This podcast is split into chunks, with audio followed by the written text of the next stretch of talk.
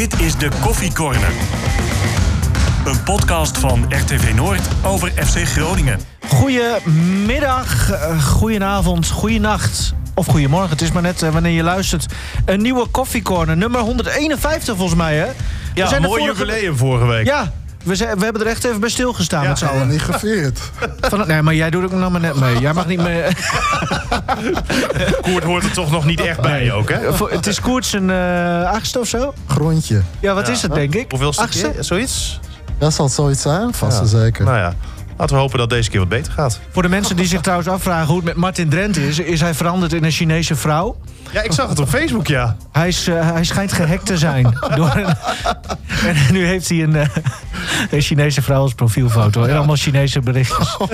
Oh, dat ook nog? Ja, en iemand anders die vroeg... Oh, heeft eh, de vrouw van Arie Haan Martin Drent zijn Facebookpagina overgenomen? Nou ja, goed, doe maar. Mooi.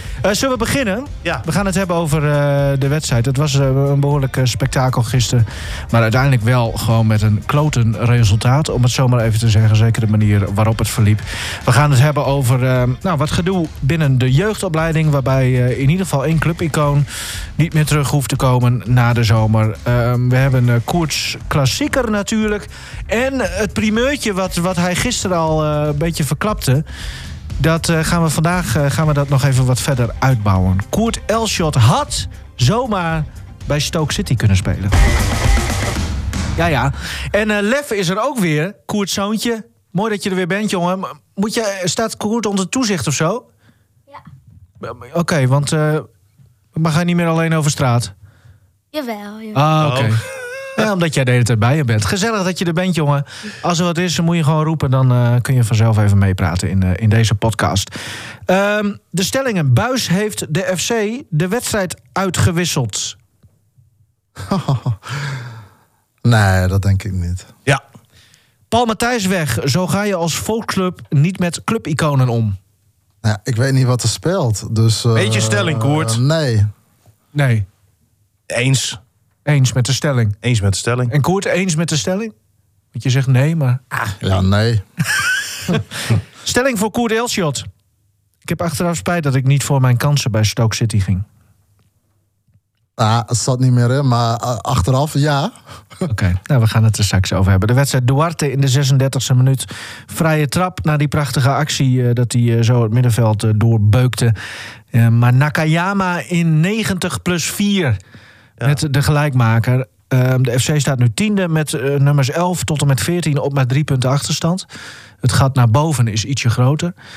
Ehm, ja, de, de wedstrijd... Tussenjaar. Ja, wel toch? Ik bedoel, daar zijn we nu wel uit. Nou, ik denk het wel. Ja. We waren eh, vrij positief naar die wedstrijden tegen Vitesse en Go Ahead Eagles natuurlijk. Ook terecht. Was het tegen Fortuna, nou, wat ongelukkig. Waren we ook best wel eh, te spreken natuurlijk over het spel van Groningen. Maar ja, als je het dan gisteren weer ziet... en ook ziet eh, welke keuzes er worden gemaakt... ja, dan kan je denk ik niet tot een andere conclusie komen Ja, op dit maar moment. er staan wel heel veel spelers in het veld die maar 20 jaar of jonger zijn, hè? Dat klopt. Maar ja, het is niet zo dat je dan ehm, niet kan voetballen, toch? Nee. Ja, maar moet dat dan weer of eh, een, een excuus zijn? Of Nou zo? ja, het is het excuus wat, Ja, ja. wat Danny Buis de hele tijd gebruikt. Ja, nou ja, goed, maar er zijn toch ook wedstrijden, is toch gebleken dat het ook wel kan. Ja, klopt. Ja. Dus ehm, Dus, dus eh, Ja. hierbij het verzoek aan, eh, aan Buis of hij dat de laatste paar wedstrijdjes niet meer wil zeggen? Nee, maar ik vond het. eh, jij, jij, jij zei het net nog even, hè, wat, wat, wat gisteren dan bij de NOS gebeurde, dat hij dat dan direct weer zegt. Ja. En dan hapt de verslaggever. En die zegt van ja, maar je stelt ze zelf op. Ja. En, Nou en dan dat- zegt Buis weer van... eh, ja, nou ja... eh, Of nee, je hebt ze zelf uitgekozen, Oh zei hij. ja. En toen zei Buis, zei... Nou nee, de club. Ja. Weet je, zo eh, weer even een eh, messteekje richting Vladeres. ja. Maar dit, dit, weet je, het is allemaal leuk. natuurlijk die onderlinge strijd die, die, nou ja, in ieder geval zij twee hebben. Ja. Maar wat schiet je er als supporter en als volger mee op? Ja, helemaal niks. En het is voor mij ook helemaal niet nodig om dat continu maar Nee. te benadrukken. We weten het wel. Ja. We weten inmiddels wel dat Groningen een jong team heeft. Dat er veel jonge spelers eh, bij Groningen spelen. Maar aan de andere kant, gisteren Peter Leeuwburg, 27 jaar. Bart van Hintem, het is hier 435. Mike de Wierik gaat richting de 30. De Leeuw. De Leeuw. Strand Lars is eh, bezig aan zijn eh, tweede volledige seizoen. Heeft ook al wat meer ervaring. Soeslof staat nu al geruime tijd in de basis. Bjorn, Meij Bjorn Meijers speelt alsof hij 28 is. Ja, ja, dat is natuurlijk een jonge speler... waar je af en toe ook een eh, dipje van kan en mag verwachten. Dat is helemaal niet erg. Speelde gisteren ook als een senior, vond ik. En die speelt al langere tijd als een senior. En dat is natuurlijk wel belangrijk ook om naar te kijken. Duarte is inmiddels ook al eh, geruime tijd in Groningen. Is ook niet de jongste speler. En ehm, ja, wat dat betreft moet je misschien niet continu dat leeftijd eh, hè, als Nou, excuus weer. Maar, maar misschien, want eh, hè, Buis die, die zoekt dat dan als excuus. Maar zullen we eens even kijken naar hoe Buis het zelf heeft gedaan gisteren? Ik had die stelling over het wisselen. Mhm. Eh, 1-0 voor. Eh, had best nog wel 0-2 kunnen zijn trouwens. ja, Ja, was wel eens een beetje pech inderdaad. maar, maar Maar, het, eh, even het wisselen. Ja, we hadden het in de studio al over. Ja. Hè? Zo van, eh, nou ja, goed, hij brengt dan eh Kelly. Brengt, brengt Kelly. of Kelly, sorry. Kelly is zijn zusje. dan in eh, als extra verdediger. Dan gaan ze met vijf man achterop spelen, twee daarvoor. Ehm, Daarna nog Swerko en Matuta. ja, voor. Duarte en Dus- Soeslof. Ja, dus je zou zeggen, nou, er komt geen muisje meer doorheen. Nou ja, volgens mij eh, zat er niet echt heel veel eh, verandering in qua speelbeeld niet. Hè? Ehm, ik, weet je wat ik verrassend... Ja, eh, Daniel van Kaam. Ja. Ja. Ja, want als we het hebben over een, eh, te jonge ploeg... maar dan denk ik, ja, die jongen die heeft eh, vorig jaar volgens mij ook wel eh, best wel wat laten zien. Ja. Is hij dan veel slechter dan de mensen die erin eh, kwamen? Ik hoop het niet. eh, Nou, ja. ik, ik snap dan inderdaad Maar dan niet. denk ik, ja, dat is toch een speler die zeg maar verdedigend zijn werk kan doen. Maar ook in de voorwaartse zeg maar nog wat, eh, wat verrassingen in, in petto heeft. Hè? Ehm, ja, Casavilla die speelt, speelde natuurlijk in de basisopstelling op rechts. En, en Suslov die nam natuurlijk de positie in, Mhm. van hem over hè, voor, de, voor de laatste linie. Ja, ik denk dan eh, eh, Daniel van Kaam dat hij dat die zeer bruikbare speler is. En eh, ja, waar is hij gebleven? Nou, misschien eh, dat Buis hem eh, iets te veel mooi weervoetballen vindt. En gisteren waren er natuurlijk wel andere eigenschappen werden geëist. Ja, maar Ja. Toch? Het was wel even bikkelen. Aantal, er waren ook een aantal onzichtbaar, toch? Of niet? Ja, Ja, nee, dat Dus, klopt. Ja, dan denk ik, ja, is die jongen dan minder dan wat erin? Ja. Nou ja, het is Maar natuurlijk even- heel simpel. Hè? Zoals gisteren, dan weet je wat er in die slotfase gaat gebeuren. Eh, je weet dat Zwolle gaat aandringen, opportunistisch spelen, ballen erin pompen. Dat er nog wat vrije trappen misschien komen, dat er hoekschoppen komen. En Groningen, die verdedigt natuurlijk in die zoneverdediging. Daniel van Kaam, die voetbalt al geruime tijd bij FC Groningen. Het eerste elftal, die weet donders goed waar die op welk moment tijdens zo'n ehm eh, doodspelmoment moet gaan staan. Ja. Hè, want dat is natuurlijk tot in den treuren getraind. Matuta, Kelly en zo zijn er nog wel een paar eh, van die jongens. Ja, die zitten hier veel korter. En die hebben wat dat betreft veel minder een idee. En het is voor hun veel minder een vanzelfsprekendheid hoe je eh, met die situaties om moet gaan.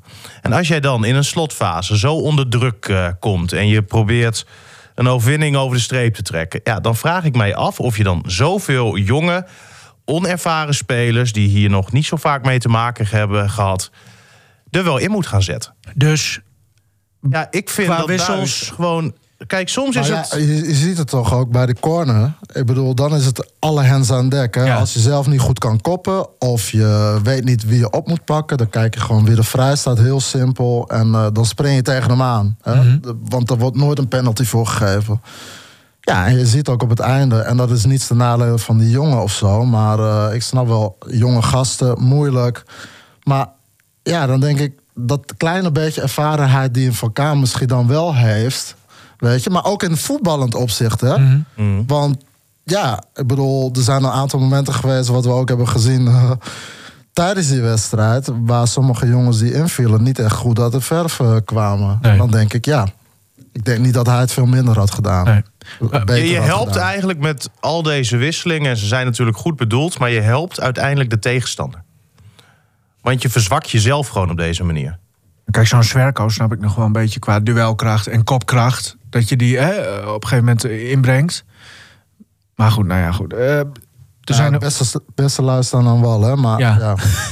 Eh, maar nou, laten we dan even, want nu gaat het over het wisselen tijdens de wedstrijd, maar ook nog even over eh, voor de wedstrijd. Ja, onbegrijpelijk. De elf namen op papier. We keken elkaar direct al met, met eh, verbazing aan dat nu Dankelui, die volgens ons nou redelijk een beetje, Tegen Go Ahead was het eh, in orde. Tegen Fortuna was het natuurlijk een stuk minder. ja, een stuk minder, maar inderdaad, maar, Maar als je het dat- weer vergelijkt met anderen, ja, we hoeveel zijn- stukken minder is het dan? Maar die wordt er nu weer uitgehaald, Ja, ik- zodat er dus weer Casanvillo weer verschoven moet worden, Soeslo weer verschoven moet worden, alles moet weer verschoven worden.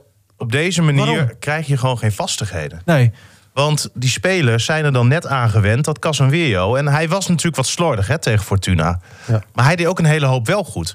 En als je ziet eh, hoe hij voetbalt, hoe hij de ruimte voor zich ziet... hoe hij eigenlijk altijd het spel naar voren wil verplaatsen... dat kan hij als geen ander. Op het moment dat hij op de rechtsbackpositie staat...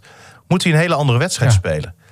En ik begrijp gewoon niet dat je hem daar dan weer vandaan haalt. En Was ook een moment trouwens, hè, nog even over Casemiro met de Wierik. Die gingen helemaal los tegen elkaar. Omdat de een die stapte volgens mij voor buitenspel. tweede En, helft en Casemiro die, die dacht, ja, maar ik ga met mijn man mee. Dus, dus die moest erachteraan. En toen helemaal ruzie. Maar dat is natuurlijk ook weer... Dat is een heel logisch gevolg van de keuzes die gemaakt worden. Maar wat we wel eh, kunnen doen nu, is Dankelui in principe afschrijven. Oh, Want ehm, ze zijn dus dusdanig ontevreden over Dankelui... dat ze liever een speler, eh, of liever het halve elftal Ja. omgooien... dan hem op te stellen. ja. En, en dat is natuurlijk ehm, ja, voor Dankelui ja, niet best. En Nee. nou ben ik helemaal geen grote uh, Damiel Dankelui-fan. En zie ik ook echt wel dat hij het eh, tegen Fortuna niet zo goed deed. Tegen Go Ahead deed hij het een stuk beter. Maar ik vraag mij af of jij aan zich als elftal erop vooruit gaat... door hem eruit te halen, je halve elftal... of een, je elftal een paar Gaat de gemiddelde posities, eh, leeftijd weer omlaag? Precies. nee, maar om dan je elftal zo om te gooien. En tuurlijk, ze doen het omdat ze denken dat dat helpt.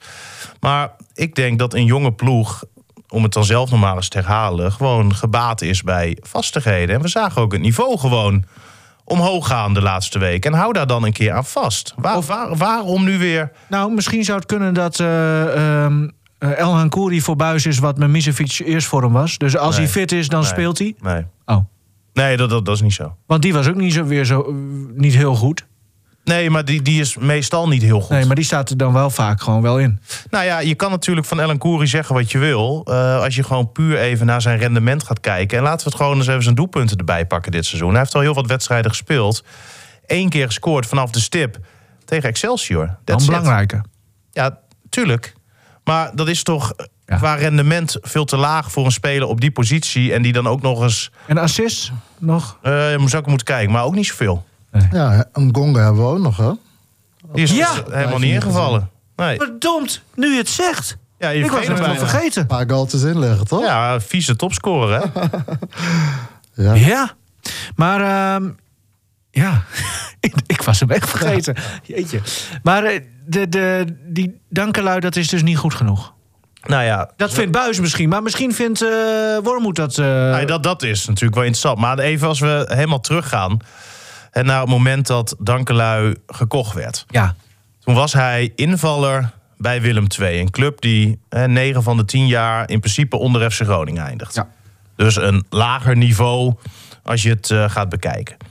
De eerste keus van Groningen was toen, hè, dat heb ik laatst verteld, die Fernando Lewis. Ja. Wat eigenlijk de eerste back was. Nou, die kwam hier toen niet door de keuring heen. Ja, en blijkbaar hebben ze dan bij Groningen ook de arrogantie om te denken dat je een wissel van Willem II hier kan opwerken tot basisspeler bij FC Groningen. Ja, dat is toch wel even iets anders uitgepakt op dit moment. Hetzelfde geldt eigenlijk voor Joosten. Joosten, Eh, nou, ja. noem alle succesverhalen maar op. Leal. Wie? Ja. Nee, maar, maar zo zijn er natuurlijk de laatste jaren wel echt veel spelers geweest... die totaal niet uit de verf kwamen. Nee. En Of he- heel duur, eh, echt veel te duur eigenlijk, zoals Abraham. ja, eens. Strand Larsen, top, denk Ja, ik. Hè? ja, Eh, goede transfer. Ja, moeten we het hele lijstje nu afgaan? Heb ik Nee, maar dat kunnen we maar- binnenkort wel eens gaan doen. Want dat is natuurlijk wel interessant om eens naar te kijken... hoe nu het, eh, het algehele gemiddelde dan is... en tot welke conclusie je kan komen. Vladeris heeft natuurlijk ook uh, Matusiwa gehad. Was volgens mij van zijn eerste eh, transfers. Uh, Goedmanson komt ook uit zijn hoge hoed. Hè, dus er zijn ook echt wel succesverhalen wat dat betreft. Maar er zijn ook wel heel veel. ehm, ja, Ga je dat net als bij VI doen? Dat doen ze bij, in ieder geval bij de top drie clubs, doen de clubwatchers. Die gaan dan, eh, eh, het voetbalblad, die gaan dan eh, alle aankopen en verkopen gaan ze een kleurtje meegeven. Groen, rood of oranje. En dan, eh, nou, dan gaan ze de, de technisch directeur beoordelen. nou, dan kopen we een paar rode stiften. nee, maar er zit ook echt wel, eh, wel, wel, wel, goede tussen. Daar gaat het niet om. Maar het is natuurlijk wel een eh, zwaktebod van Groningen. Dat ze gewoon geen rechtsback hebben gehaald. Ja. Want je zag dat in de eerste seizoenshelft al gewoon ja, zoveel en zo vaak misgaan. Nou, Toen en dacht- ze hebben Ja, ook geluk hè, dat Meijer zo goed is, maar ze hebben ook geen linksback gehaald. Nee, maar dat, dat pakt gelukkig goed uit. Nee, weet je wat, wat, wat, wat het misschien ook is? Hè? Kijk, op, op die posities, hè, een rechts- of een linksback... ja, weet je, als je kan verdedigen... dan is het in principe al eh, oké. hè? Nou, laat die speler een keertje of twee eh, opkomen... dan is het ook prima, weet je. Dat zijn vaak niet de posities waar je helemaal... eh, zeg maar, alle transfermarkten eh, voor af hoeft te gaan... om daar echt een topspeler in Ja, huis is te dat zo? halen. Ja, backs zijn wel. toch heel, backs Nou zijn ja, heel goed, eh, weet je, belangrijk tegenwoordig. Ja, is wel belangrijk. Alleen, eh, weet je, als- zolang je maar degelijk bent. En, en ja, hier en daar eh, eh, ja, merken we toch dat er wel wat schoonheidsfoutjes eh, zijn gebeurd, zeg maar, gedurende een aantal wedstrijden. Ja, en dan merk je gewoon wel op een gegeven moment natuurlijk waar er wat zwakkere plekken zitten. Nou, het is overduidelijk natuurlijk eigenlijk wel, want anders gaat een trainer niet, niet zo vaak wisselen op die positie. Je hebt Ja. Al- Alan Koeri natuurlijk gehad, de Dankelui, Casanvillo, ja, wie heb je er nog meer? Eh, volgens mij-. Ja, Te Wierik Ja. nog Oh ja. keer. Dus je hebt al vier spelers in de selectie die daar, eh, die daar hebben gespeeld. Nou ja, goed, en dat, eh, dat zorgt ook weer, want het zijn in principe ook allemaal vier basisspelers. Ja. Dus moet je nagaan dat, dat op één positie, dat veroorzaakt dus ook heel veel verschuivingen in je elftal. Zo ook eh, gisteren natuurlijk. Ja, ja. En, en dat is denk ik voor een jong elftal geen goede zaak. Nee, maar ja, kijk ja, eens. voor geen enkel elftal, denk Nee. ik hoor. Nee. Maar je bent gebaat bij vastigheden. En ehm, ik vind het heel jammer dat je nu de handel toch weer omgooit... terwijl dat eigenlijk helemaal niet noodzakelijk was. Ja, je kan het wel doen, in principe. Eh, in principe kan, kan je dat gewoon doen. Want, Ja, en dat eh, deed hij ook. Casalvillo, die is wel in staat om als rechtsback te spelen. Maar laat hem dan ook even een tijdje Maar staan. misschien is het voor Suslov ook wel lekker als hij wat meer vooruit speelt. Ja. Hè? Want als je ziet, eh, eh, eh, eh, als je ziet puur naar, naar de goals die eigenlijk Strand Larsen heeft gemaakt, zijn de beste koppels eigenlijk Suslov en eh, Strand Larsen. Zeker. Suslov die geeft vaak een assist op hem. Nou, vanaf die afstand. En natuurlijk heeft hij daar misschien wel een wat vrijere rol in. Hè? Dat, eh, eh, dat hij iets meer naar voren eh, zou kunnen gaan spelen. Maar ja, om een afstand te overbruggen en toch wat dichter bij je spits te spelen, is het voor Suslov misschien wel lekker. Ja. Als hij wat meer ja, verder vooruit. En- misschien wel aan die linkerkant. eh, hè? En als Buis nou met zijn handen gebonden was door blessures. Maar dat is dus niet het geval. Het is echt een, eh, nou ja, een bewuste keuze dus. eh, om het ja, zo want te doen. iedereen was fit. Ja. Iedereen kon spelen. Ehm, nou, over fitheid gesproken schiet me nu even te binnen. Je had een mooi verhaal met eh, Balker. Ja, ik vind dat een hele sympathieke vent. Hij eh, komt binnenkort een keertje hier, eh, is hij hier te gast. Oh, oké. Ja, vind je dat goed? Ja, ik ben een beetje bang voor hem. Wat dan? Een beest, hè? Ja, dat is wel een beer van de vent, ja. Als die bij een kroeg staat, ga ik die kroeg niet naar binnen. Dat durf ik niet. Nee, maar hij, hij beun, beunt ook bij hè, als uitsmijter. Ja, dat, dat zal. Je een nieuwe bodyguard? Ja. heb, je, heb je die nodig? Dat zal wel goed zijn, hè? Heb je wat fire nog gemaakt? Ja. Oh, Stefan Dan zou ik wel eh, ja, voor de dag durven te komen. Een balken Nou. zo naast je. Ik bel Regilio Vrede. en dan moet je eens kijken hoe Balker hier, eh, of die hier nog naar binnen komt. Dat denk ik niet. Je hebt toch tegenwoordig van die celebrity eh, fights en zo, dat, dat, Ja, dat soort dingen. klopt. Nou, die twee tegen elkaar. eh, Is Regilio Vrede trouwens een leuk bruggetje naar het volgende onderwerp? Of moeten we nog even de, de wedstrijd afhandelen, zeg maar? Nou ja, laten we even wachten tot... eh, want we gaan het er ook even met Wim Masker eh, over hebben zo. Het, eh, het niet verlengen van Paul Matthijs. Maar eigenlijk in bredere zin gewoon de, de hervorming in de, in de Mhm. jeugdopleiding. Ja. Want er is nogal wat eh, gebeurd. Wim Masker die belt zo meteen dus in, begrijp ik? Ja. Oké. Eh, Nou, maar even over, eh over Balknot. Die heb ik Ja. eh, vorige week inderdaad eh, eventjes eh, gesproken. Hartstikke sympathieke vent ook. En eh, het gaat goed met hem. Hij eh, is echt op de weg terug. Dus dat is mooi om, eh, mooi om te zien ook. Hij is ook al wel weer enige tijd eh, aan het trainen op eh hè, Corpus buiten. Voornamelijk nog individueel. Maar hij heeft vorige week voor het eerst meegedaan met het eh, onder 21 team. En Oh ja, nu is zo, ja, eh, Wedstrijdje? Nee, training, Oh, training, training. Nee, wedstrijd komt dat dat zit er echt nog niet in. Hij hoopt nog eh, in actie te komen dit seizoen. Maar het kan ook zomaar zijn dat dat ehm, nou ja, toch nog te vroeg komt. En dan ja, gaat hij zich natuurlijk richten op volgend seizoen. Maar het is nu ehm, voor hem zaak om eh, ja, met eh, onnatuurlijke bewegingen weer vertrouwd te raken, als het ware. Hè? En eh, een fysiotherapeut die kan natuurlijk wel een bal eh, naar je toe schoppen dat jij hem terugkaatst. Maar ja, dat is natuurlijk toch weer anders als je in duel bent of als er andere spelers bij zijn. Nou ja, et cetera, et cetera. En dat is waar hij nu mee bezig is. Dat die knie daar ook weer op eh, berekend is straks. He- heeft hij nog wel een beetje de spirit? Ja, zeker, zeker. Dus Het, hij heeft het wel lastig gehad. Ja, dat snap ik. En het is natuurlijk ook iemand die ja, al wel vaker met blessures te maken heeft gehad. En dat maakt het natuurlijk ook wel extra sneu. Wisten ze dat hier? Eh, ga ik wel vanuit. Ja. Ze wist het eh, bij al die andere aankopen ook. Nou ja, dat, eh, het is afwachten hoe dat loopt natuurlijk. Maar, en het, nog even over Balker. Ehm, leuk dat hij langskomt trouwens. Maar wa- was hij nou bij Almere, kan ik me herinneren... dat hij daar ook niet altijd basisspeler was? Ondanks Nou, in principe was hij er altijd basisspeler. Maar toen is hij ook op het einde van het seizoen... en is hij ook een hele tijd weer geblesseerd geweest. Oh, oké. En eh, nou ja, toen koos eh, de trainer eh, op de duur even voor iemand anders. Oké, hij heeft niks. Oké, nee, helder. Heeft vooral met fitheid eh, te maken dus. Oké, eh, nou zoek het nog even na op de site of de app. Het verhaal met Radinio Balker. Ehm, ja, we- kunnen alvast wel even beginnen, denk ik, met, met het verhaal ehm, eh, jeugdopleiding. De, de FC, laten we bij het begin beginnen. De FC kwam zaterdagavond, met, of zaterdag overdag met een, eh, een persbericht volgens mij. Ja, vrijdag of zaterdag was het, ja. En wa- wat, wat was de kern van het eh, bericht? Nou ja, ten eerste dat het echt niet te lezen was. Qua? Qua afkortingen, qua dingen. Ik, ik, ja, ik, het, het- Is toch lekker? Hoe korter, hoe beter? Of zijn het allemaal hippe termen? nou ja, ehm, even zien hoor. Ik zal er even een uh, alineaatje uitpikken. Oh, Dan eh, mag Koert mij vertellen wat ze ermee eh, bedoelen. Eens even Oh. zien hoor. Ehm, er was één... Één omschrijvingen. even zien hoor. Eh. Had ik mijn eh, oudste zoon mee moeten nemen, want die doet dat eh, meestal op de app toch? Van die. eh, Ja, van die afkortingjes. ja? ja. WBJ, waar Dat is ben je? tegen ja. Ja. Oké, ik heb hier een uh, alineaatje gevonden. Eh, Byron Bakker gaat vanaf komend seizoen de functie van HVO-OB fulltime invullen. Dit betekent dat hij zal stoppen als trainer, coach, manager TCM van FC Groningen onder 14. Sander van heeft daarentegen aangegeven dat hij het trainersvak prevaleert boven een fulltime rol als HVO-BB. Het gevolg van deze beslissing is dat FC Groningen op zoek gaat naar een nieuwe fulltime HVO-BB. HVO, BB, hoofdvoetbal, eh, onderbouw. Ja, ja. Ja? Oh, Eh, nee. nee. Eh, even zien, HVO, dat staat dan... eh Onderbouw. hoofdvoetbalontwikkeling. eh ja, hoofdvoetbalontwikkeling. Oh ja. En dan de OB onderbouw en de BB bovenbouw. Oké. Maar ja, zie je, ik moet wel echt even Ja. goed... eh, ah, maar nu gaan we heel kinderachtig over afkortingetjes. nee, maar in ieder Dat geval kan, maar- worden in dat bericht dus wat wijzigingen eh, besproken... die worden doorgevoerd in de jeugdopleiding. Onder andere dat Sander van Gessel...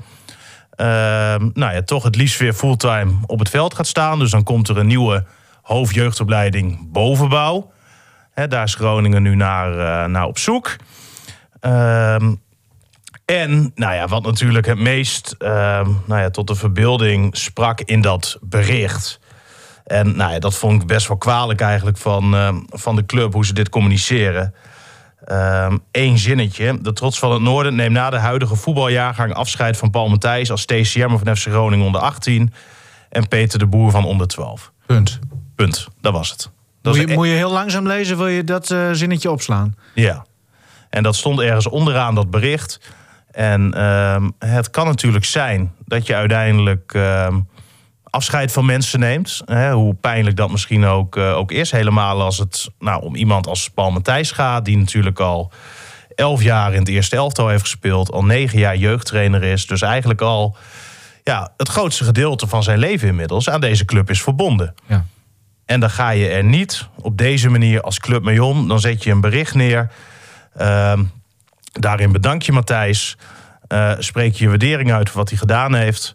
En neem je op een nette en goede manier eh, afscheid. En maak je dat ook op een nette en duidelijke manier, vind ik, bekend richting je achterban. En niet door één halve bijzin in een eh, persbericht op te stellen. Vind ik echt voor een club als FC Groningen beneden pijl. En dat was volgens mij ook die stelling. Zo ga je niet met clubiconen om. En ik denk dat je Matthijs toch wel zo kan eh, hebben stempelen. Heeft één keer een avontuurtje gehad bij, eh, bij AZ.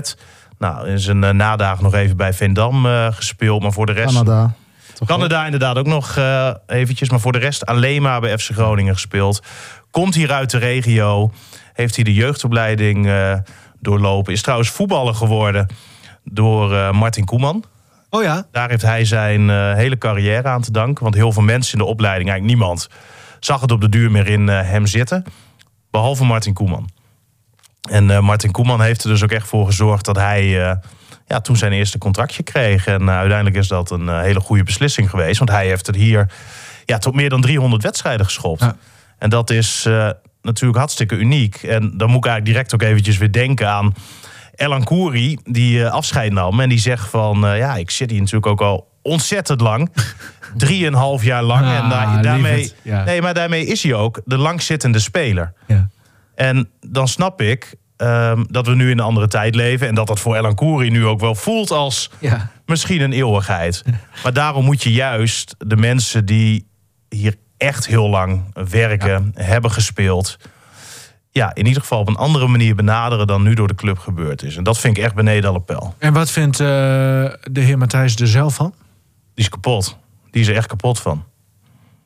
Hij uh, wil hier verder op dit moment nog niet echt op. Uh, op reageren naar buiten toe. Wil eerst even de tijd nemen ook om het nou ja, toch allemaal te verwerken. Want dit is een uh, harde klap voor hem. Hij, uh, hij slaapt niet lekker. En, nou ja, het is Je hebt een... hem gevraagd hè, of hij gisteren in, in de radio-uitzending FC Groningen Live wilde, wilde reageren. Ja, absoluut. Maar dat, dat, en, dat lukt hem gewoon niet. Dat, dat, dat wil hij op dit moment nog Nee. niet. En hij wil, ja, hij wil denk ik eerst een plekje geven. En dan wil hij het later wel hè, zeggen hoe hij er ehm, over denkt. En hoe dit voor hem is. Maar op dit moment eh, niet. En dat hebben we dan ook maar te respecteren. Ja. Koert, Ja, dat jij als wel, eh, clubman, je hebt natuurlijk niet, eh, jouw situatie is niet helemaal vergelijkbaar met Matthijs, maar kun je je voorstellen wat dit doet met, een, eh, met Paul Matthijs? Tuurlijk, tuurlijk. Hij, eh, ja, ik heb natuurlijk de, de jongens die er nu nog zitten, eh, of, of tenminste die het langst eh, zitten bij, bij de SC eh, Sander en, en Paul heb ik natuurlijk meegespeeld. Melchior? Eh en Melchior ook nog,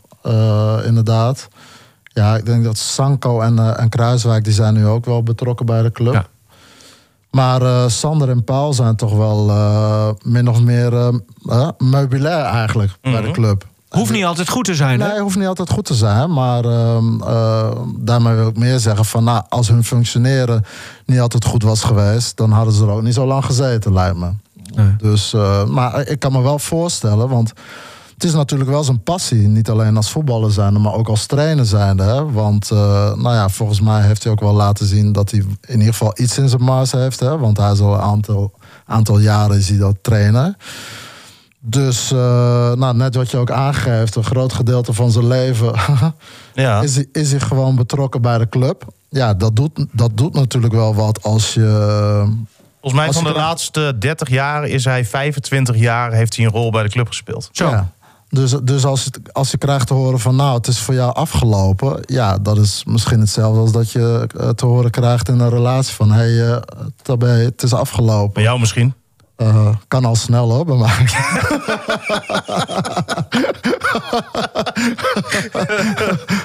nee, maar dat doet, dat doet pijn. Dat doet wel pijn. Ja. Ik bedoel, hij heeft dan natuurlijk wel wat opgebouwd. En, en, en ook de jongens die hij traint natuurlijk. Nou, ja, Ja, even ik- wat namen. Eh, Daniel van Kaam, eh, Romano Ja. Postema, eh, Bjorn Meijer, Remco Balk, Remco. Balk, Sloor, Soeslof. Ja. Ja.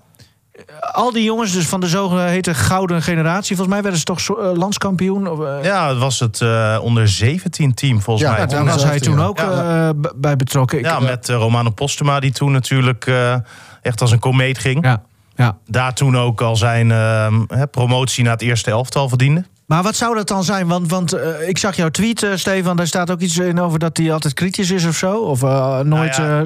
Je hebt bij, bij FC Groningen een, ehm, eh, groep mensen die daar al heel lang werkt. Die mensen kennen Paul Matthijs al jaren. Van Gessel, Schoema, die namen die je net noemde, bedoel je? Van Gessel, Ja, maar ook gewoon daaromheen. Hè, daar heb ik het over vrijwilligers en nou ja, noem het allemaal maar op. Die weten hoe ze met Matthijs om moeten gaan. Want? Want- Het is zo'n terrorist of zo? Of, eh, Het is, het is zeker geen terrorist, maar het is eh, ja, iemand die zegt wat hij denkt. Iemand die eh, nou ja, af en toe ook wel wat cynisch is. En eh, als hem iets niet aanstaat, dan hoor je dat. ja. Maar het is iemand die dat vanuit de beste bedoelingen doet. Hè, die eh, ook bezig is de afgelopen jaren om zichzelf te verbeteren. Nou ja, daar kunnen Een soort Danny Buis. een soort Danny Buis. Nou ja, maar daar kunnen een aantal mensen, een, een groep mensen, binnen de opleiding gewoon een stuk minder mee omgaan. Daardoor zijn er mensen die daar werken, die het heel lastig vinden om met Matthijs eh, om te gaan. Ja. Maar kun jij met al jouw collega's opschieten? Of vind jij elke collega aardig? Eh, nee. Moet, moet, moet dat? Nou ja, Eh, de topsport is sowieso wel hard, toch? Ja. Volgens mij. Maar is dat, En, eh, eh, ja, weet je, ik, is dat ik, erg? ik ken zijn functioneren niet. Nee. Dus ik, tenminste, niet in, niet in zoverre dat ik daar een oordeel over kan geven. Maar kijk, ik ken Paul natuurlijk ook vanuit mijn periode. Nou, dan vonden mensen het ook niet altijd makkelijk om met hem om te gaan. Maar uiteindelijk hebben we toch samen met z'n allen kunnen samenwerken in één team. Hè? En soms heb je sommige mensen wel nodig in een bepaalde organisatie. Ik heb liever dat iemand recht voor zijn raap is tegen mij. Dat ik weet wat ik aan diegene heb. Ook al vind ik het misschien de grootste asshole op aarde. Dan dat iemand eh, achter mijn rug om, eh, ja, of- voor mij eh, heel vriendelijk is. En achter mijn rug om juist hè, Ja. ander, anders reageert of anders over me praat. Dus ja, weet je, Paul is zoals hij is. En ja, ik, ik eh, durf er ook zelf niet heel veel meer over te Nee, zeggen. het Maar ik, schijnt ik- ik- wel ja. zo te zijn dat mensen er ehm, binnen de opleiding gewoon steeds meer moeite mee krijgen. Dat heeft er natuurlijk ook mee te maken dat er best wel wat wisselingen zijn geweest de laatste tijd. Dat er mensen komen te werken die hem niet kennen. Die niet weten eh, hoe je daar dan eh, mee om moet gaan. Nou, dat heeft ook wel invloed gehad op een aantal spelers die bij ehm, Groningen spelen, die daar ook gewoon wat moeite mee hebben. Ehm, ja, en dan is de vraag hoe je daar ook als club mee omgaat. Je kan natuurlijk op de duur ook tot de conclusie komen dat je ehm, hoe het op een bepaald manier gaat, op een bepaald moment gaat, ehm, dat je dat niet meer in de toekomst wil. Dat je daar op een andere manier naar wil kijken. Ja. Dat je misschien iemand een andere invulling eh, wil geven.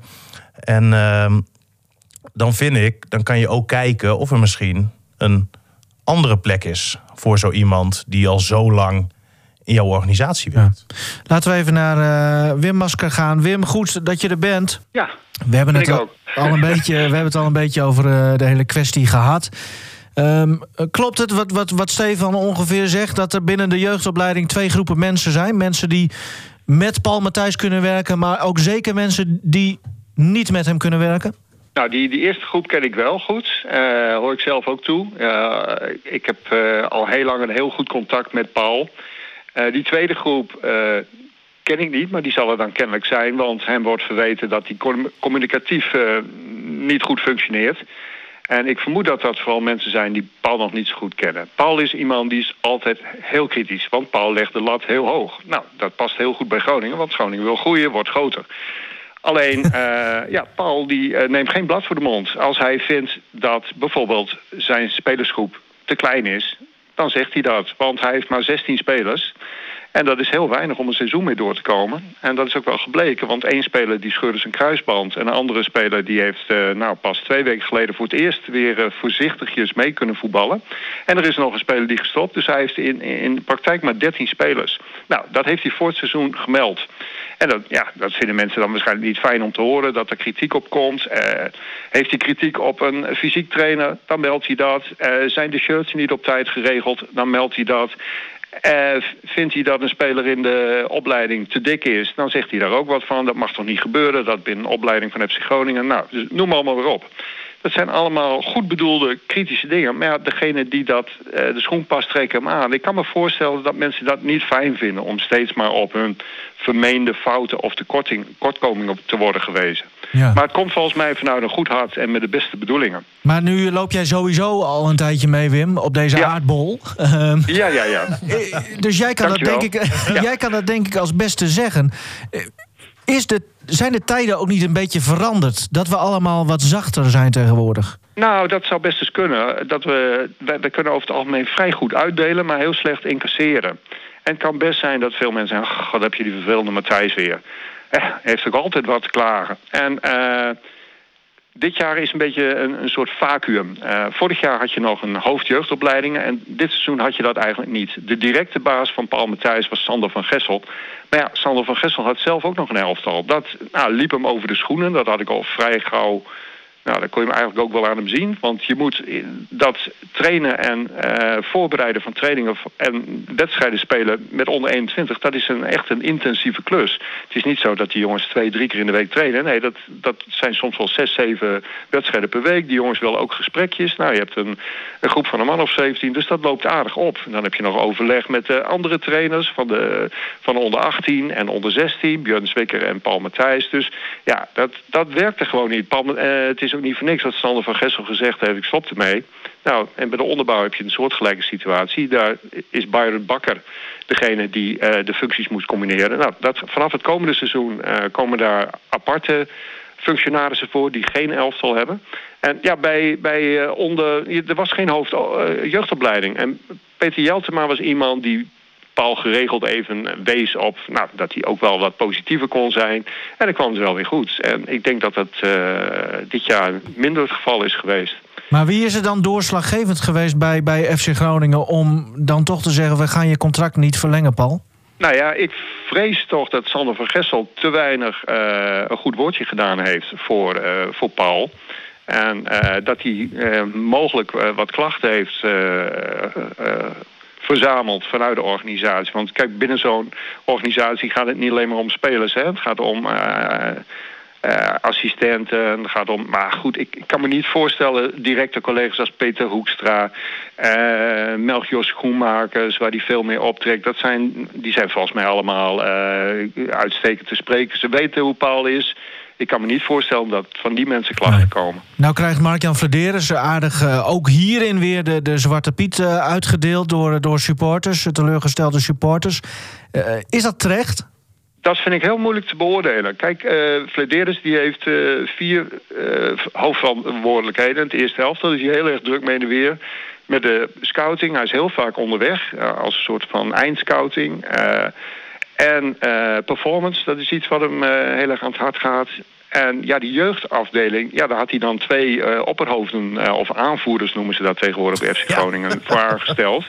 En uh, ja, dat is, en, heeft een hoofd jeugdscouting apart daarvoor. Dus dat, dat is een beetje, staat een beetje ver van hem af. Als ik in het vergelijk met, nee, moet er wel bij zeggen, het is nu coronatijd. Maar in het, in het verleden, Veldmaat, Jeltema en en Jans, dat waren mensen die ook heel erg betrokken waren bij de jeugd. Die vaak uh, bij de jeugd kwamen kijken. Ik zie uh, Flederis daar ook wel, maar toch niet in die mate dat ik uh, zijn voorgangers daar zag. Ja. Dus ik denk dat hij gedacht heeft, nou, dat heb ik goed ondergebracht bij Van Gessel en, en Bakker. En dan heb je nog een hoofdperformance Wouter Frenke. Die drie dekken dat af. Jeugdscouting, dat is in goede handen van Arno de Jong. Dus ja, als mensen dan negatief rapporteren over ehm, over uh, Matthijs, ja, dan heeft hij zich daar misschien uh, te veel zijn oor naar laten hangen. Want ik denk dat, uh, dat je met hem wel een hele goede jeugdtrainer verliest. Ja. En juist als je groter wil worden, iemand, heb je ook iemand in een organisatie nodig die je wijst op dingen die beter kunnen. En daar is Paul heel erg goed in. Um, en, en, ja, hij verpakt het af en toe ook wel met cynisme. Ik sluit niet uit dat hij af en toe tegen uh, Flederis, want zo is hij ook wel weer gezegd... nou, die, die aankoop van jou, die bakt er ook nog niet veel van. Ja, ja, dat... dat ja. Ik geloof niet dat Flederis heel erg groot fan is van mensen die kritisch zijn. Op hem? Nee. Nee. Over communicatie trouwens, ik bedoel, daar, ja, daar, daar is de club... Want daar wordt Paul Matthijs nu kennelijk dus een soort van op aangesproken. Ja. Of op veroordeeld zelfs. ja. Maar daar staat de club zelf toch de laatste tijd ook niet uh, heel erg uh, goed om bekend. Communiceren. Nee, nee. Nou ja, we hebben het eerder gehad, of jullie hebben het eerder gehad over het afscheid van Buis. Ja, dat had ook wel wat handiger geformuleerd kunnen worden. Waar, waar, waardoor iedereen een begrip. Nu bleef het toch heel veel hangen van wat is nou de reden. En ja, dat, dat vond ik niet heel handig. En dit is eigenlijk weer net zo. Paul Matthijs is niet zomaar iemand, hè? Nee, daarom. Die heeft die, sinds 1992 al 30 jaar is hij bij de club betrokken geweest. Dus heel even heeft hij een uitstapje gemaakt naar AZ. Heeft na zijn actieve carrière heel even is hij weg geweest. Maar in die 30 jaar heeft hij zo'n 25 jaar uh, ook echt veel voor de club betekend. En dat gemopper en die kritiek die hij uit, dat is uit betrokkenheid. Hij, kan ook denken van nou, weet je wat, eind van de maand staat een mooi bedrag op mijn rekening, ze zoeken maar uit. Verkeerde shirts, niks aan de hand. Uh, fysiek trainer die nooit eens een keer bij een wedstrijdje kijkt, ach, kan mij het schelen. Wat dat betreft, uh, Wim, is uh, Paul Matthijs een soort tweede Danny Buis. Want alles wat we nu constateren met Paul Matthijs... is precies eigenlijk hoe Buis is. Een prullenbak nou ja, ze is lijken. Ik, ik, heb laatst nog een, voor, de, voor de supportersvereniging een, een artikel met uh, Paul. Hij, hij doet ook erg aan Buis denken. Heel betrokken. Wil, wil graag winnen. Uh, heeft tegelijkertijd, want dat is het verschil met de eerste elftal... Bij, de jeugd gaat het om individuele ontwikkeling. Nou, je kunt toch niet zeggen dat Matthijs geen grote bijdrage heeft ge geleverd... aan de ontwikkeling van uh, spelers. Ik heb echt spelers onder zijn leiding echt beter zien worden. Nou, noem ze allemaal maar op die in het eerste gedeputeerd hebben ja, ik, ik denk dat, die, uh, dat, uh, dat Groningen in hem een uh, goede jeugdopleider verliest. Nou ja, het is natuurlijk... En natuurlijk zijn er, zijn er ook mensen die zeggen van... ja, mijn zoon heeft nooit een kans gehad. En ongetwijfeld. En er zijn ongetwijfeld ook ouders zijn die, die, die misschien uit een wat ander milieu komen... en die heel erg schrikken van hoe direct Paul Matthijs kan zijn. Er zullen ongetwijfeld mensen zijn die... oh, blij dat hij weg is. Dat kan, dat kan. Maar ja, goed... Dat is con consequentie van iemand die zegt wat hij denkt en, en heel direct is. Nou ja, en dat is natuurlijk ook, hè, want er zijn, uh, begreep ik, meerdere gesprekken geweest in de loop der tijd met hem over zijn uh, communicatieve vaardigheden, om het zo maar te zeggen. En nou ja, als dat niet verandert, waarvan je eigenlijk weet dat dat niet verandert, omdat hij hier natuurlijk al bijna negen jaar rondloopt in die jeugdopleiding, ja, is het ook wel bijzonder om dat dan wel continu uh, van iemand te verwachten. Ja, hij, hij zit karakterologisch zo in elkaar. Hij legt de lat hoog en is niet te beroerd om te zeggen wat er misgaat. Maar waarom nou. heeft de club dan, dan uh, ja, kennelijk dus geen behoefte aan dit soort figuren? Want Buis weg, uh, Matthijs weg, of, of zoek ik nu naar een patroon wat er, wat er niet is? Mm, dat weet ik niet. Ik moet ook zeggen, kijk, ik heb goede contacten met Paul. Ben niet onbevooroordeeld. Ik weet dat hij. Uh, maar ik kan niet beoordelen hoe, hoe hij overkomt en in zijn contact is met al die anderen. Ik heb niet de indruk dat, uh, dat de spelers er echt onder lijden. Ja, misschien de spelers aan de onderkant die, die, die eigenlijk kwaliteit tekort komen... of die eigenlijk niet heel veel zin hebben om prof te worden... Uh, ja, niet, niet de Soeslops van deze wereld, zeg maar. Nee, maar bijvoorbeeld ook uh, een Milan de Koe. Die is dan uiteindelijk gestopt. Maar wat ik begrepen had hij ook geen moeite met de aanpak van, bui, van Matthijs. Kijk, zo'n trainer die leeft tijdens... De een die zit doodstil op een stoeltje. Ja. En die, die zegt alleen naar afloop wat. En, maar ja, bij de onder 18 gaat het alweer richting het eerste elftal. Moet je toch wel een beetje voorbereiden op winnen. En uh, dat dat in de onderbouw, dat doen ze heel goed, pedagogisch verantwoord. Uh, ze, ze overcoachen niet bij FC Groningen. Dat gaat op een hele vriendelijke, positieve manier over het algemeen.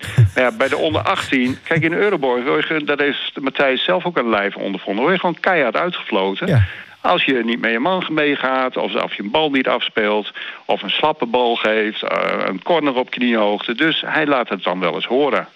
Dus de club gaat hier nog spijt van krijgen? Daar, daar komt het eigenlijk nou ja, ik, ik, uh, ik denk dat ze dat... Ik mag toch aannemen dat ze hier goed over nagedacht hebben. En dan zullen ze er geen spijt van krijgen. Want kennelijk willen ze liever niet iemand met die, uh, die te veel mensen uh, slapeloze nachten bezorgt misschien. dat ze die liever niet in de opleiding hebben. Nou, dan kan hij op zoek naar een nieuwe baan. Nou, ik, ik, kan me niet voorstellen dat hij dan lang naar op zoek moet. En, nee? want volgens mij staat hij ook in de landen wel goed bekend. Uh, dus ik, uh, ik, verwacht dat Paul uh, binnen korte tijd, eh, ja, tenzij de verhalen over hem rondgaan van uh, alle Overmars. Maar dat, dat, dat, dat, is een, maar, maar dan op zijn communicatieve niveau. Hè. Die Overmars ja, ja, gingen om hele andere dingen. Ja, klopt. Maar nee, dat kan Die was heel goed met appjes en zo. nee, oké. Okay. da dankjewel Wim. En... Nou ja, we, we, gaan zien hoe dit loopt. Maar uh, dank voor jouw inkijkje in, uh, in de jeugdopleiding en hoe het er loopt. er moet natuurlijk wel wat gebeuren. Da daar komt het nu op neer, hè? Want er gebeurt van alles, maar uh, de rust moet weer terug. Ja, nou ja, ik denk dat het wel een goede keuze is wat ze voor het komend seizoen. Dat ze af, mensen vrijstellen van het trainen van een team. En als je de bovenbouw daar een hoofd op wil zetten, moet hij ook niet nog eens een keer een team moeten trainen en coachen. dus dat is wel een stap in de goede richting. Wim, fijne dag. En nogmaals dank voor jouw uh, deskundigheid. Wim Masker uh, was dat. Nou ja, um, we gaan zien hoe het loopt. Zullen we dit uh, blokje even afsluiten? Of heb je er nog wat over te zeggen, Blekert? Mm, nee, volgens mij zijn we vrij, vrij compleet. Hè? Samenvattend misschien nog even. Er is een grote groep mensen, toch wel een deel van de mensen bij FC Groningen... die gewoon absoluut niet met hem kunnen samenwerken. Daarnaast is er ook een groot gedeelte van de mensen... die wel met hem goed kunnen samenwerken. En nu, ehm, nou ja, hij is gekozen eh, om te luisteren naar de mensen die er meer moeite mee hebben. Zullen wij hem uh, aan het analistenteam... Uh... Nou, als hij dat wil, is hij van harte welkom. Vol, vol, volgend seizoen natuurlijk. Ja. En dan, nou ja, als hij dus natuurlijk niet ergens anders aan het werk gaat. Want volgens Wim hoeft hij niet...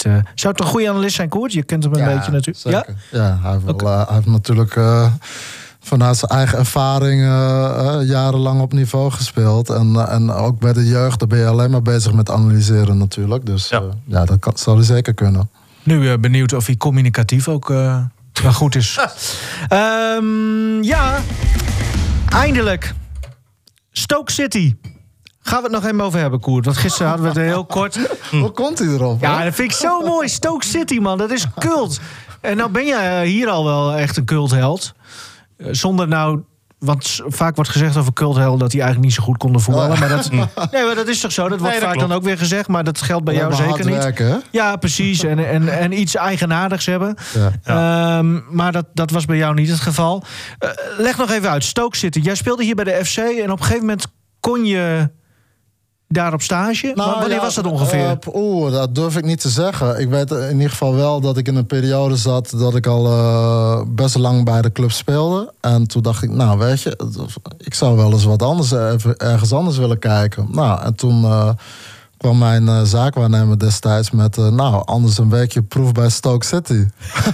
wat dacht je toen? Dat was nog championship, hè? Ja. En, Kende je het wel? Ja, ik ken, ik ken de competitie natuurlijk wel. Alleen, uh, ja, weet je, toen gingen spelers nog niet zo heel snel, zeg maar. Maakten, uh, maakten ze niet zo snel de overstap, zeg maar.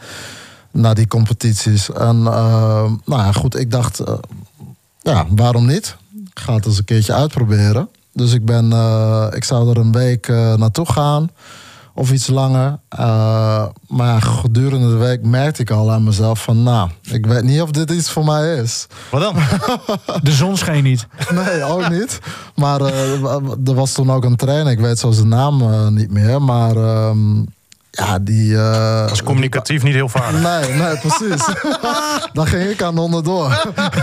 die riep alleen maar naar mij van... Uh, ja, put it in the box, put it in the box. Ja. Nou, de, ik had de bal, uh, ontving ik op eigen helft. Nog helemaal achterin. En toen moest ik hem gewoon ja. die 16 meter van de tegenstander inpompen. Hij dacht dat jij Henk de Haan was. Die mocht ook nooit over de middellijn. ja, en ik was juist van het ja, opkomen met de bal. Ja. toen dacht ik, wat is dit? Dat, dat, ligt mij niet zo. Dus ik, op de helft van de week belde ik uh, Karel Jansen op. Toen zei ik van, nou, ik weet niet of dit wat voor me is hoor. Uh, ik denk niet dat het hem gaat worden. Nee. Nou ja, ik was een van de honderden stagiaires daar volgens mij uh, gedurende zo'n seizoen. Maar uh, nou, toen ben ik maar teruggegaan, lekker naar mijn oude clubje. Ah, dat meen je niet, man. En, en, en, nu achteraf, want, want je hebt het eigenlijk zelf al, al op de helft een beetje de handdoek in de ring gegooid, als ik dit zo hoor. Ja, als zij het niet al hadden gedaan einde van de week. Maar, ja, oké. Maar, maar denk je nu niet zoiets van... Um, ja, had ik misschien toch maar Later dacht ik wel van, oh ja, Stoke, best een uh, leuk clubje. Ja. ja. Stel dat ik wel, al- als ik nou wel eh, eh, die hele week had volgemaakt... had het misschien anders uitgezien, wie Ja. zou het zeggen. Maar, eh, ach ja, mocht niet zo zijn. Nee, want eh, nooit, eh, uiteindelijk nooit in het buitenland. eh, ja, Breda, half België natuurlijk. Maar, eh, Woonde ik in Antwerpen, oh ja, nou ja. Oh, maar, ja, dat is ook zo, ja. Maar, maar nooit, eh, ja, modestad, hè. Maar nooit eh, eh, bij een buitenlandse club gespeeld. Nee. Ja, is dat dan nog eh, het enige smetje dan op jouw verder hele mooie carrière? Of boeit dat je niet zoveel? Oh, had me wel interessant geleken, ja. Ja, eh, ik denk dat het toch wel een eh, avontuur is als je dat mag meemaken. Hè. Je belandt niet zomaar in het buitenland voor werk. Nou, en als voetballer zijnde, ja, ik bedoel, dat is toch hartstikke mooi. Je komt toch in een mooi klimaat tere- terecht. Hè. nou, dan moet je niet naar Stoke. Nee, maar ik bedoel, met het hele klimaat van, nou, Beleving, weet je. de Ja, precies. Ja, ja, ja.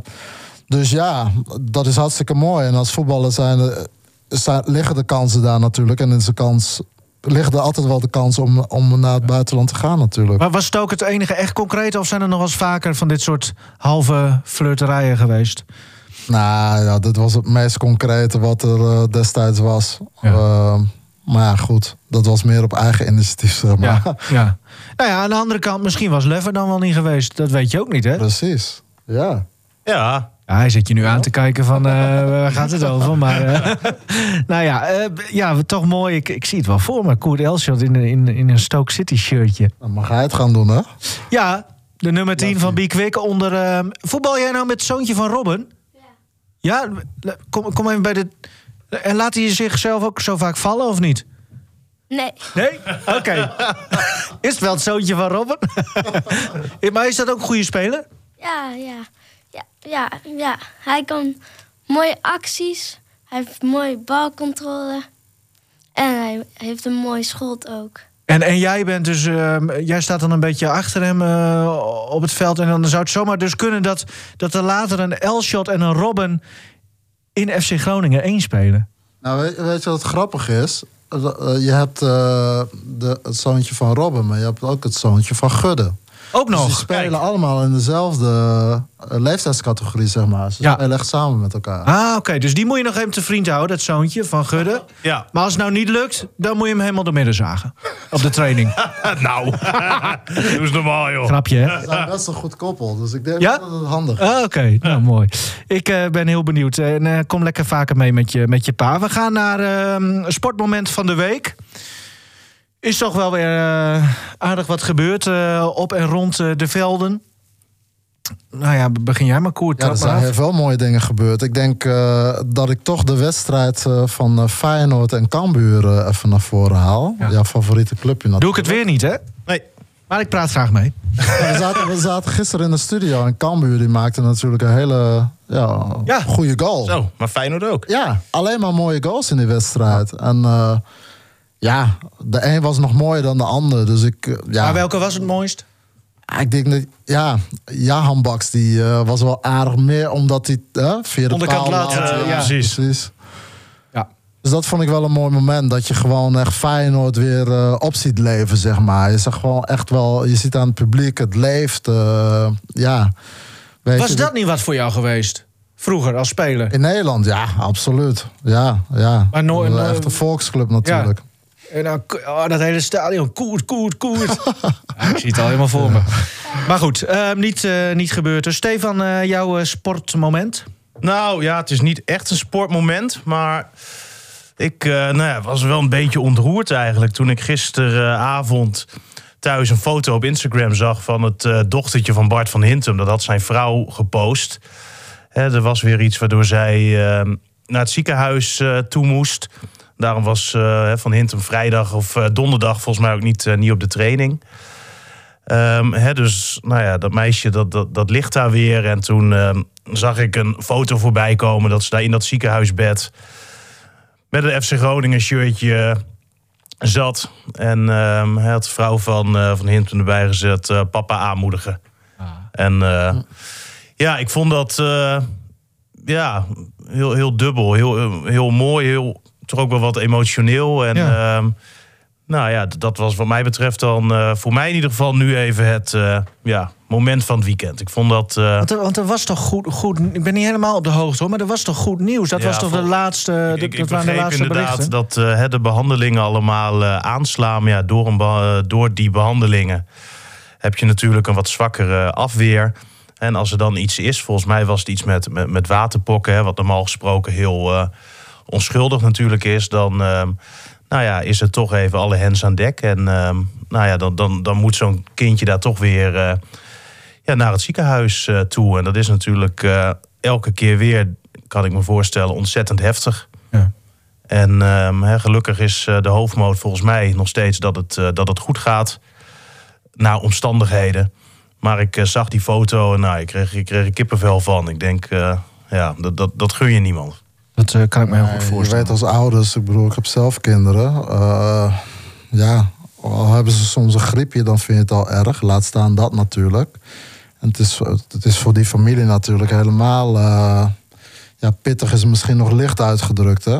Je zag het overigens niet aan, aan, aan Bart. want die speelde een goede wedstrijd natuurlijk gisteren. Maar ik kan me voorstellen dat je toch wel even ergens anders zit met je Ja. gedachten. Ja, Ehm, ik kreeg ook wel kippenvel, maar dan op een hele juiste, positieve manier eh, van eh Irene Wust. Niet eens vanwege de alle prestaties die zij heeft geleverd weer de afgelopen eh, spelen. Maar zij werd ehm gisteren, nee, eergisteren geïnterviewd. Was het gisteren? Ik ben het alweer vergeten. Zoveel tv gezien. Ehm, bij Studio Peking bij de NOS. Ze was net weer terug in Nederland. En toen vroegen ze, ze wilde de hele tijd uit haar halen wat nou het geheim was van Irene Wust. Waarom presteer je nou altijd zo goed? Ja. En, eh, en hoe zit het dan met je focus eh, vlak voor zo'n wedstrijd? En eh, allemaal dat soort dingen. En op alles moest ze een beetje lachen. Ze zei, ja, weet je... Ik ben helemaal niet, niet, niet gestrest of zo daarin, of weet ik veel. Ik ben blij dat ik er mag staan aan de start op zo'n spelen. En eh, je moet vooral heel veel plezier hebben. En dat is elk. Ja. Dus dan staat ze voor, voor- weer voor een belangrijkste race van, van haar leven op dat moment. En dan denkt ze alleen maar: Ja, maar- maar- leuk maar- dat ik hier mag staan. Maar, maar wie zei dat nou eh, laatst? Toen ging het over de WK-finale die Nederland uiteindelijk verloor. Dat al die spelers in die kleedkamer van Nederland zelf al gefocust, gestrest, zenuwachtig. En dat Snijder daar alleen maar aan het ahoeren was. Oh ja. Hè, maar dat, dat geeft wel aan. Ja. Ik denk, ja, Stond hij op een auto te dansen? maar, maar dat geeft denk ik wel aan hè, dat als je ontspannen bent, Ja. op zekere hoogte, want natuurlijk moet er een eh, goede vorm van concentratie zijn, dat je misschien wel het beste presteert. Ja, maar ik moest dan ook, de- en dat vind ik dan zo bizar. En dat vind, denk ik, vind jij dat ook wel interessant? De hele sportpsychologie, zeg maar. Ja. Ik dacht ook wel, ja, zo'n Wust, die heeft natuurlijk makkelijk praten, want die is gewoon fucking goed. En datzelfde geldt dus ook voor Snijder. Die is gewoon, f- ja, weet je, dus, dus ja, Ja, kip of ei. Credits Zijn ze zo ook, goed omdat Ja. ze zo relaxed zijn? Of Ja. zijn ze zo relaxed omdat ze zo goed zijn? Ja, Dat- ik, denk, dat ik denk dat laatste. Ja. Ja? Ja, da- daardoor heb je gewoon zoveel vertrouwen in jezelf. Ja. Ik ken dat gevoel eh, hoor, eh, verder. Ik herken het echt, ja zeker. Waarmee, Zullen we- Welk vlak? waar- Zullen we stoppen? vlak dan? Ja, thuis. Zullen we thuis. stoppen? Koets klassieker. Met het schoonmaken. Ja. Ja. Koets klassieker. Eh, wat zei dat nou ook alweer? Eh, Relight My Fire. Ja. Ja. Waarom? Omdat Ja, je daar zo'n leuk kwam, dansje eh, bij kan? Of? Die kwam ineens in me op. Ja, Ja. zeg het maar waarom. Vorige week begint hij over Pass the Dutchie. ja, En nu Relight My Fire. Ja, maar to- vorige week dacht ik niet per Nee, se nee. daaraan. hè. Volgende week Dr. Dre met eh Smoke Weed Every Day. dat is wel een lekker nummer. Zeker. Zullen we hem draaien? Gewoon zonder verhaal eigenlijk erbij, Ja. maar kwam in je op. lekker in. Ja, Lef, dankjewel weer. Tot volgende keer. Doe je best. En dit is het plaatje van je vader waar hij dan eh, nou ja, los op gaat, denk ik. Relight My Fire, Dan Hartman. Dit was ehm Coffee Corner 151 alweer. Knap dat eh, elke luisteraar dat zo lang eh, met ons weet uit te houden. Ja, prima. Hoi.